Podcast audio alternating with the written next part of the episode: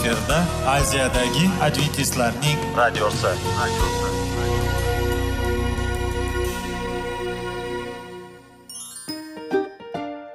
Assalomu alaykum aziz radio tinglovchilar. Sog'liq daqiqasi rubrikasiga xush kelibsiz. Zero tananing sog'lom bo'lishi va uning kasalliklardan saqlash har bir insonning burchi hisoblanadi. Inson uchun bebaho boylik bu sog'liq salomatlikdir. Uni asrash esa har birimizga omonat qilib berilgan. Shuning uchun ham inson o'z sog'lig'ini ehtiyot qilishi voajib amallardan hisoblanadi. Dono xalqimiz sog'liq tuman boylik deb bejiz aytmagan. Aql idroq sohibi bo'lgan inson o'z hayotini qadrlashi lozim bo'ladi. Hozirgi kunda qanchalik dori darmonlar ko'paymasin tibbiy muassa sifati shifokorlar vasiyasi tibbiy texnika yaxshilanmasin. Agar insonning o'z salomatligi haqida qayg'urmasa kutilgan natijaga erishib bo'lmaydi va biz sizlarga bizning dasturimizga xush kelibsiz deymiz.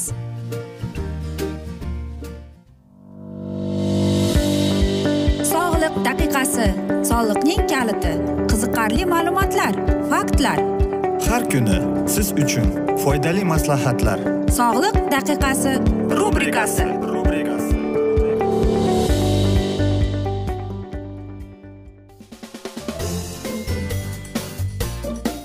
assalomu alaykum aziz radio tinglovchilar. Dasturimizga xush kelibsiz va biz sizlar bilan besh daqiqa sog'liq uchun deb atalgan dasturimizda xushvaqt bo'ling deb aytamiz va dasturlarimizni boshlashdan avval sizlarga aytib o'tmoqchi edimki agar dasturimiz davomida sizlarni e, savollaringiz qiziqtirayotgan bo'lsa e, biz bilan e, whatsapp orqali aloqaga chiqishingiz mumkin. Whatsapp raqamimiz plyus bir uch yuz bir yetti yuz oltmish oltmish yetmish aziz do'stlar. Va dasturimizning bugungi mavzusi bu dorilar deb ataladi. Nega aynan dorilar deymizmi? Chunki masalan dori bu boshimiz og'riganda oshqozonimiz og'riganda buyraklar qayerimiz og'rimasin biz dori darmon iste'mol qilamiz. Lekin aynan aytaylikki mana shu effekt bo'lishi uchun e, qanchalik dori iste'mol qilishimiz kerak deymiz. Yoki masalan hozir e, reklamalar judayam ko'p internetda ozuvchi dorilar ular haqiqatdan ham foydalimi yoki yo'qmi hech bir inson o'ziga mana shunday savolni bermaydi. Yoki shu dorilarni biz iste'mol qilayotganimizda qanchalik biz mana shu dorilar bizning sog'lig'imizga zarar keltiryapti deb hech bir o'ylanib ko'rmaganmiz. Dorilarni qaysi kasalliklarda ichadi? Masalan boshimiz og'riganda depressiya yoki ko'nglimiz ayniganda yoki aytaylik va hokazo aziz do'stlar biz yuqorida aytayotganimizdek albatta siz aytasizki e, masalan hech bir zararsiz dori bormi deb? Albatta bor. Har bir dorida deydi o'ziga yarasha aytaylikki elementlari bor deydi. Masalan e, antibiotik qabul qilganimizda deydi bakteriyalarni infeksiyalarni o'ldiradi deydi. Yoki masalan diabetni deydi diabet birinchi turdagi kasalliklarniga deydi unga insulin kerak deydi. Lekin boshi og'rib yotgan odamga deyapti aspirin bersak deydi yoki qo'l sozordan aytaylikki olib olamiz va aytaylikki bu inson menga bu dorini iste'mol qilgan inson o'ylamaydi to'xtab tur bu menga foydami yoki yo'qmi deb. E, lekin e, shunday insonlarni bilamanki boshi og'risa ham dori ich iste'mol qilmaydi aytadiki men tinchgina uxlab yotganim yaxshi deydi. Chunki afsuski shunday ham bo'ladiki ba'zi bir qon bosimimiz ko'tarilib qoladi yoki tushib qoladi. Aynan mana shu biz yuqorida aytganimizdek e, insulin kasalligi mana kasal bo'lgan insulin kerak diabet kasalligida. Yoki aytaylikki shamollab qolganimizda yoki aytaylikki saraton kasalligiga duch kelgan insonlar qancha qancha dorilarni iste'mol qiladi? Ularga kerak. Shuning uchun ham o'ylaymanki dorilarning zararli tomonini ham o'ylab ko'rish kerak. Xo'sh yana shunday insonlar toifadagi insonlar borki bo'lar bo'lmasga birorta joyi og'rimasa ham o'ylaydiki meni mana shu joyim og'riyapti deb aynan e, mana shunday dorilarni bo'lar bo'lmasga iste'mol qilaveradi. Bilasizmi agar biz kasal bo'lib qolsak ba'zida e, shifokor bizga o'n yoki yigirmagacha dorilarni albatta yozib beradi. Lekin ularni har bir o'zini ko'rsatmalariga rioya qilib turib ichsangiz bo'ladi. Shuning uchun ham aziz do'stlar aytaylikki antibiotiklarni iste'mol qilishdan avval siz albatta kerakmi yoki kerak emasmi deb o'zingizga o'zingiz savol bering. Bo'lar bo'larmasga siz dorilarni iste'mol qilavermang deymiz. Chunki albatta bu siz aytasizki kerak deb. Masalan sizda qand diabet kasalligi yo'q. E, unda siz nima qilasiz? Kerak kerak emas dorilarni iste'mol qilib yoki bosh og'rig'ida bosh og'riqda albatta mana shu arterial e, o'lchab turib qon bosimini o'lchaysiz. Yuqori bo'lsa kerakli. Ko'k choy ichsangiz bo'ladi. Albatta u ham qon bosimini pasayt agar past bo'lsa ko'pchilik aytadiki past bo'lgan davleniyada Э, qahva ichish kerak deb. Yo'q aziz do'stlar mening afsuski mening qon bosimim past shuning uchun men qahva ichmasligim uchun dorixonadan kofein degan o'tlardan yasalgan e, o'zimga dori sotib olaman va mana shuni har kuni ertalab bir donadan iste'mol qilaman. Va qon bosimim ham me'yorida va albatta asabiylashishga harakat qilmayman. Qandaydir bir e, yoqimsiz narsalar masalan kinolar hattoki o'sha seriallar ham stress holatiga olib qo'yadi. Ya'ni biz e, mana shunday seriallarni ko'rganimizda yig'lagimiz keladi yoki o'sha bosh qahramonga achinamiz yig'laymiz va shuning orqasidan ham qon bosim sakrab turadi. Shuning uchun ham aziz do'stlar aytmoqchimanki agar e, doriga muhtojligingiz yo'q bo'lsa shifokor yozib bermagan bo'lsa bo'lar bo'lmasga dori iste'mol qilmaslikka harakat qilib ko'ring. E, mana shu tabiat berilgan dorilardan ko'katlardan e, yoki o'tlardan tayyorlangan choylarni iste'mol qilishga harakat qiling. Axir biz o'zimizni kimyoviy unsurlar bilan zararlaymiz va sog'lig'imizga o'ta zarar oltirib kelamiz. Shuning uchun ham o'ylaymanki bu eng foydali narsa deb bilasizmi tog'da yashaydigan tog'ning e, yonida yashaydigan insonlar kam kasal bo'ladi. Chunki ular mana shunday bo'lar bo'larmas e, dorilarni iste'mol qilmaydi. Shuning uchun ham shunday insonlar sog'lom bo'ladi. Va qarangki ularda oshqozon e, mana shu yarasi yo'q yoki buyraklari og'rimaydi. Ular soppa sog'lom. Aziz do'stlar mana shunday asnoda esa biz bugungi dasturimizni yakunlab qolamiz. Chunki vaqt birozgina chetlatilgan lekin keyingi dasturlarda albatta mana shu mavzuni yana o'qib eshittiramiz. Aziz do'stlar biz esa sizlarga va oilangizga tinchlik totuvlik tilaymiz. Va o'ylaymanki sizlar e, savollaringiz tug'ilgan. Agar shunday bo'lsa biz sizlarni salomat klub internet saytimizga taklif qilib qolamiz. Yoki biz bilan e, whatsapp orqali murojaat etsangiz bo'ladi. Bizning whatsapp raqamimiz plyus bir uch yuz bir yetti yuz oltmish oltmish yetmish aziz do'stlar. Sizlarga sog'lik salomatlik tilab o'zingizni va yaqinlaringizni ehtiyot qiling deymiz.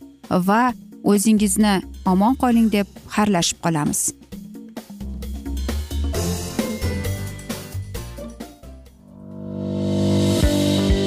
Sog'liq daqiqasi soliqning kaliti qiziqarli ma'lumotlar faktlar. Har kuni siz uchun foydali maslahatlar. Sog'liq daqiqasi rubrikasi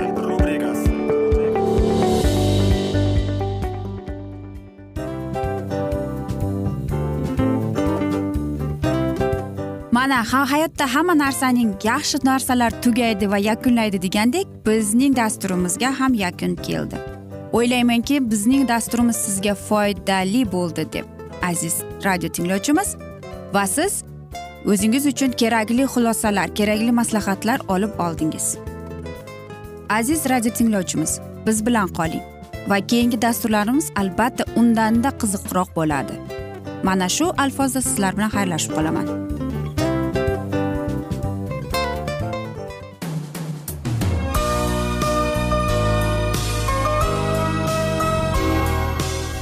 Efirda aziyadagi adventistlarning radiosi.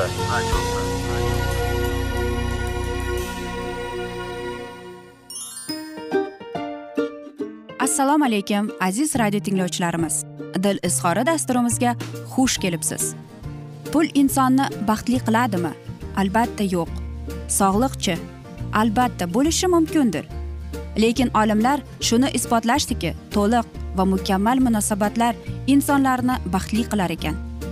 Albatta biz hayot davomida biz yaqin insonlar bilan odamlar bilan aloqada bo'lamiz va ular bilan munosabatlarimiz qanday kechadi qanday tuziladi? Yigit va qiz er va xotin ota ona va farzandlar va yaqin insonlar bilan. Balkim hozirgi vaqtda kimnidir hayoti yoki munosabatlari buzilyapti. Va bizning dasturlarimiz ularga yordam bo'ladi deb. Va oldinda sizlarni qiziqarli intervyular va mavzular kutyapti va biz umid qilamizki siz biz bilan qolasiz deb.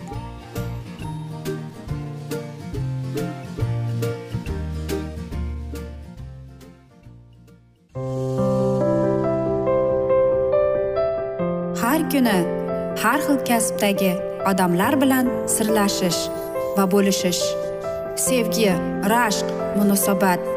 Bularni hammasi dil izhori rubrikasida.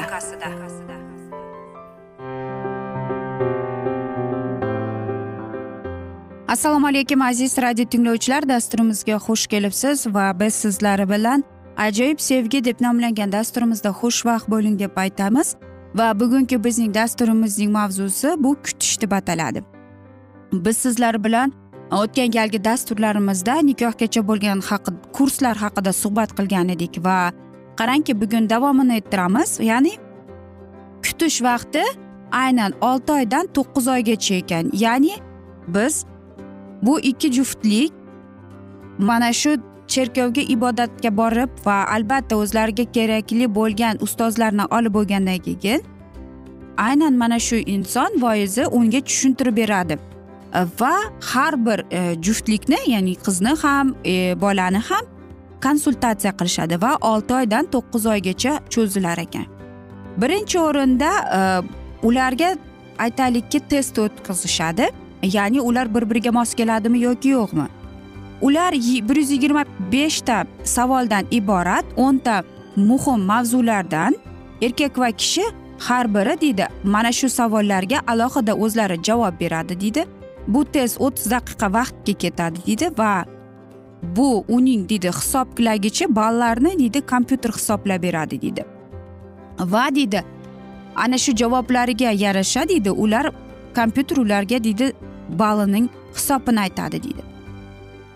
Keyin olti oydan to'qqiz oygacha tekshirishadi. Xo'sh qanday bo'ladi nima bo'ladi?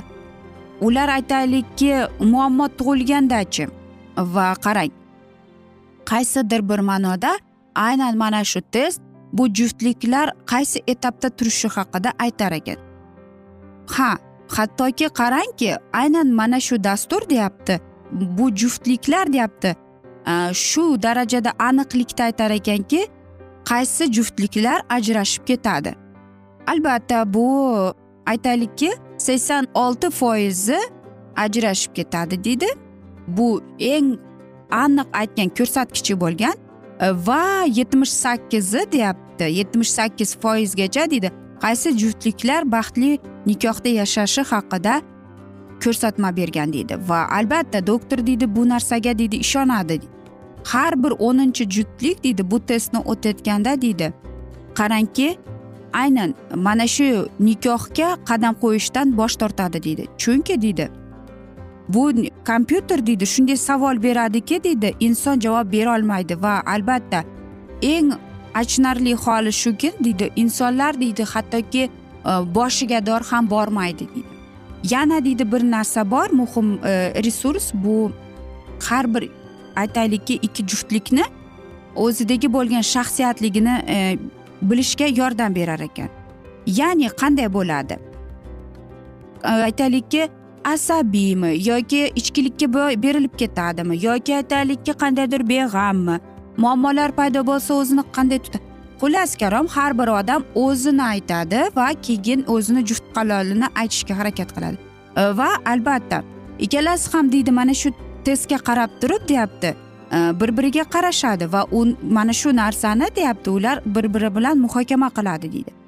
Keyin deydi Э, bu test deydi keyingi uchrashuvlarda deydi aytaylikki mana shu inson deydi aynan e, rezultatini muhokama qilishar ekan. Agar o'tib bo'lishgan bo'lsa deyapti.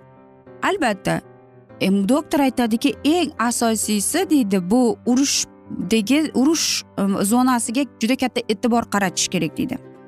Albatta bu yaxshi. Yana bir kurs bor bu nikohdan oldingacha ya'ni juftliklarni uikend ya'ni bu oddiy sayr poxod har joyga chaqirishadi. Ya'ni kechki payt juma kechqurundan boshlab to shanba bozor kungacha bo'lar ekan. Va u yerda ham aynan mana shu dasturda o'n sakkizta suhbatdan o'tishar ekan aziz do'stlar. Ya'ni aynan mana shu uzoq vaqt davomida yashab kelgan juftliklar ular bilan suhbat qurar ekan. Qarang bu eng yaxshi to'g'rimi? Ya'ni har bir inson deydi. Aytaylikki masalan kimga nima yoqadi qanday har bir deydi berilgan savol har bir berilgan javobni qog'ozlarga yozib chiqish kerak. Faqatgina deydi o'n foiz juftliklar deydi mana shu uchrashuvlarga kelib chiqadi deydi.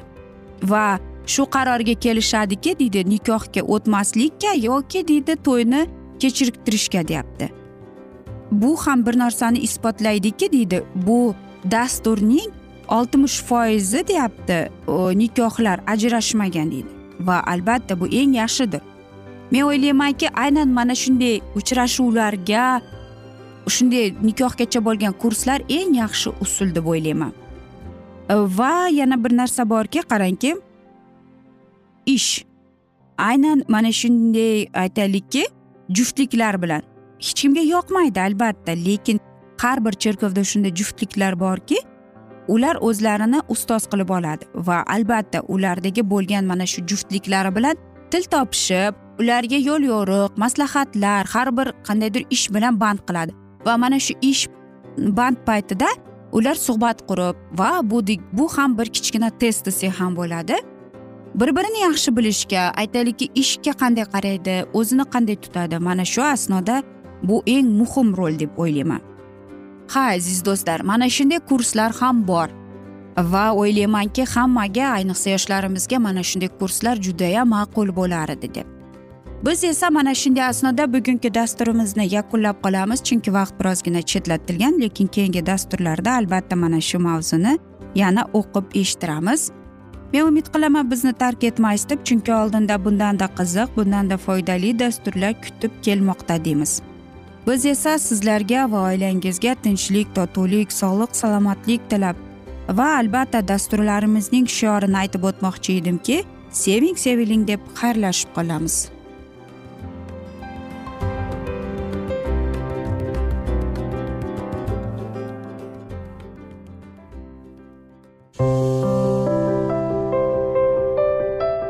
Har kuni har xil kasbdagi odamlar bilan sirlashish va bo'lishish.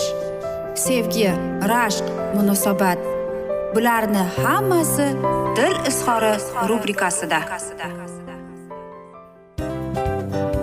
Mana aziz radio tinglovchimiz bizning go'zal va foydali va chiroyli dasturimiz yakunlanib bormoqda. Sizlarga birozgina maslahat berib o'tmoqchi edik. Bir biringizni seving qadringizga yeting va erkalang albatta bir biringizni va sizga judayam chiroyli va mustahkam munosabatlar tilab qolamiz albatta. Sevgilingiz doimo yoningizda bo'lsin. Mana shu borada sizlar bilan xayrlashib qolamiz. Xayr.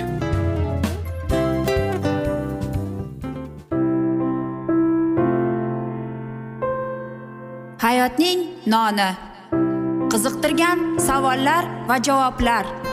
Buning hammasi ko'ngil uchun oziqa rubrikasida.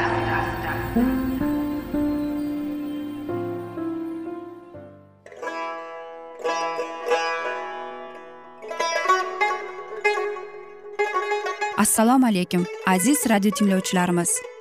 Ko'ngil uchun oziqa rubrikasida xush kelibsiz deymiz. Siz haqiqatni izlayapsizmi? Olamnimi? Umidnimi?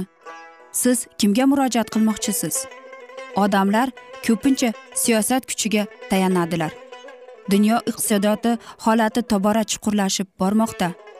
Tabiiy ofatlar va texnogen halokatlar minglab insonlarning hayotini olib ketib juda katta zarar yetkazmoqda.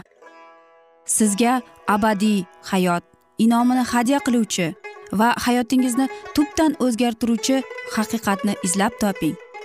Xudo haqidagi haqiqat uning kalomida mujassamlashgan. Kimki bu haqiqatni butun qalbi bilan izlasa albatta unga yetishadi. Bu sevgi xudoning tarixidir. Hayotingizda yoki sizning yon atrofingizdagi olamda nimalar yuz berishidan qat'iy nazar? Siz ertagi kunga buyuk umid va ishonch hosil qilishingiz mumkin. Hozirda xudo sizga taklif qilayotgan umid ishonchga o'z qalbingizni oching va sizni qiziqtirayotgan mavzularni savollaringizga javoblaringizni topib olasiz deb umid qilamiz. Biz bilan qoling.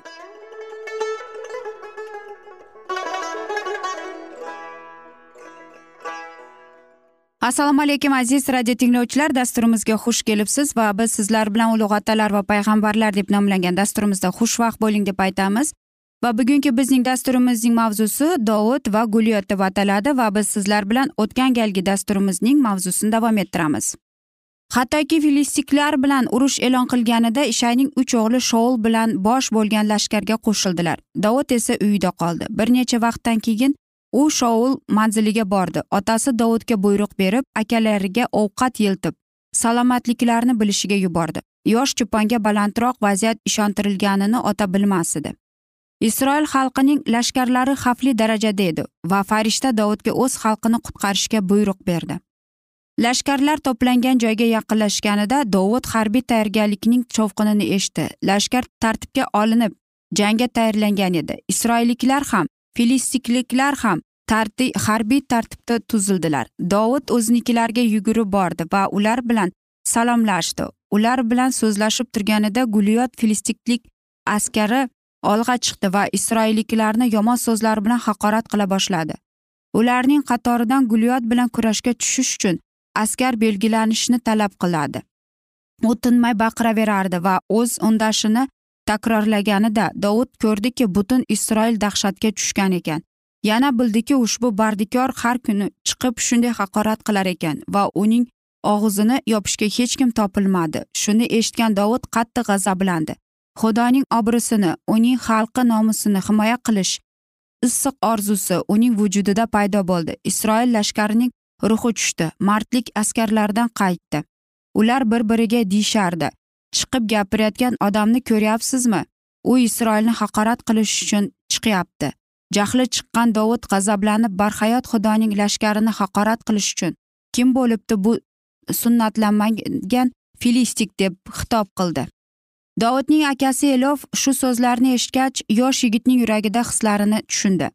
Dovud cho'pon bo'lib siyrak uchraydigan mardlik va kuch bilan farqlanadi. Unga qo'shimcha shamoilning sirli tashrif buyurishi otalarining uyidan uning indamay ketishi bular hammasi jamida dovudning akalarida shamoil kelishining haqiqiy maqsadi to'g'risida shubha uyg'otardi. Oldin ham dovud ulardan baland qo'yilgani paytdan ularning qalbida rashk bosh ko'tardi. Shu paytdan ular ukasining fidokorligiga va nazokatli sevgisiga javoban o'z qalblarida shunday hislarga o'rin topmasdilar. Ular dovudni hali balog'atga yetmagan chupon sifatida tan olishardi. Uning e, savoli elefni fosh qilganday tuyuldi. Chunki haqiqatdan filistikning og'zidan yopish uchun u hech qanday harakat ham qilgani yo'q. Sen nima uchun bu yerga kelding? Qolgan qo'ylarni sahroda kimning qo'liga qoldirding? deb baqirib berdi. Davom etib men sening balandparvozligingni va qalbingni buzuqligini bilaman. Sen jangni ko'rgani kelding dedi.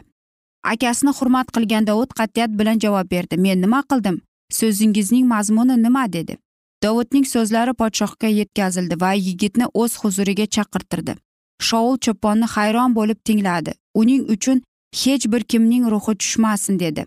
Sening qo'ling bo'lib ushbu filistik bilan kurashadi. Shoul dovudni qaytarmoqchi bo'ldi ammo yosh yigit egilmay qolaverardi. U dedi men sher va ayiqdan xalos qilgan xudodavand ushbu filistiklarning qo'lidan xalos etadi va shoul dovudga dedi bor va xudovand sening bilan bo'lsin.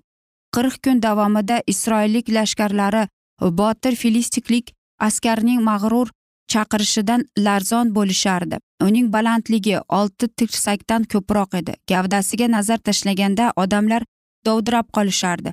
Uning boshida mix mis qalpoq kiyilgan badanini besh ming sikl og'irligida sovut saqlardi. Oyog'i ham mis bilan yopilagandi. Sovut baliqning badaniga o'xshab mis plastikalardan qilingan edi va hech bir o'tkir qurol yoki o'q undan o'tolmas edi. Orqasida shuningdek misdan ishlangan juda ulkan nayzaralari bor edi. Nayzaning og'irligi esa olti yuz sikl temir edi. Oldida qurolini ko'targan yurib kelar edi. Erta va kech gulyot isroillik manziliga yaqinlashib sizlar nima uchun urushgani chiqdinglar?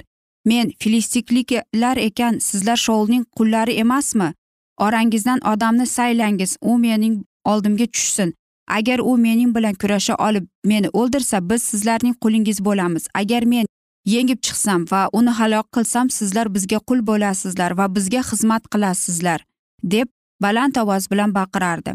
Va filistikliklar dedi bugun isroil lashkarlarini men uyatga qoldiraman. Menga odamni beringlar va biz ikkalovimiz kurashaylik deydi. Podshoh gulyot chaqirishni dovudga qabul qilishga e, ijozat berganida u dovud yengib chiqishiga e, deyarli ishonmas edi.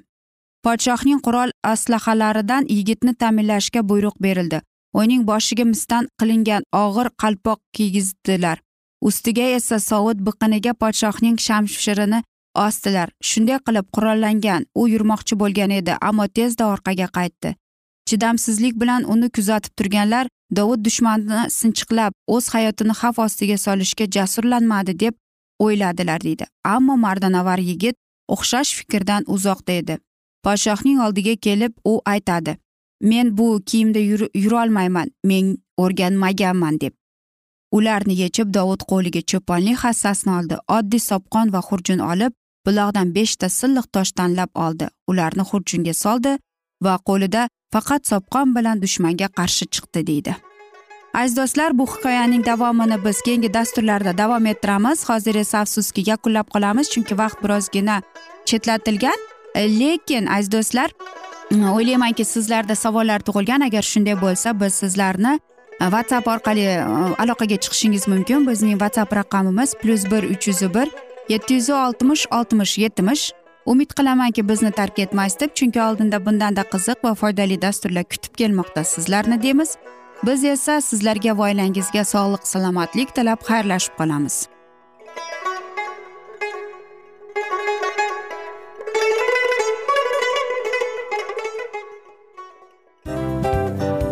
Hamma narsaning yakuni bo'ladi degandek afsuski bizning ham dasturlarimiz yakunlanib qolyapti. Va biz o'ylaymizki bizning dasturimizdan o'zingiz uchun kerakli va foydali maslahatlar olib oldingiz. Sog'liq borasida sizga foydali maslahat berganmiz deb umid qilaman albatta.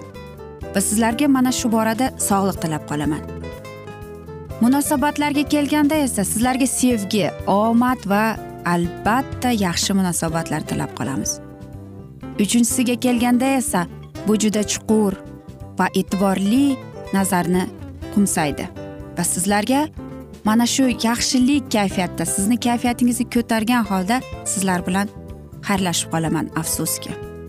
Ammo lekin keyingi dasturlarimiz undanda qiziq bo'ladi. Va siz biz bilan bo'ling. Bizni tanlaganingiz uchun sizlarga rahmat. Omad sizlarga. Xayr.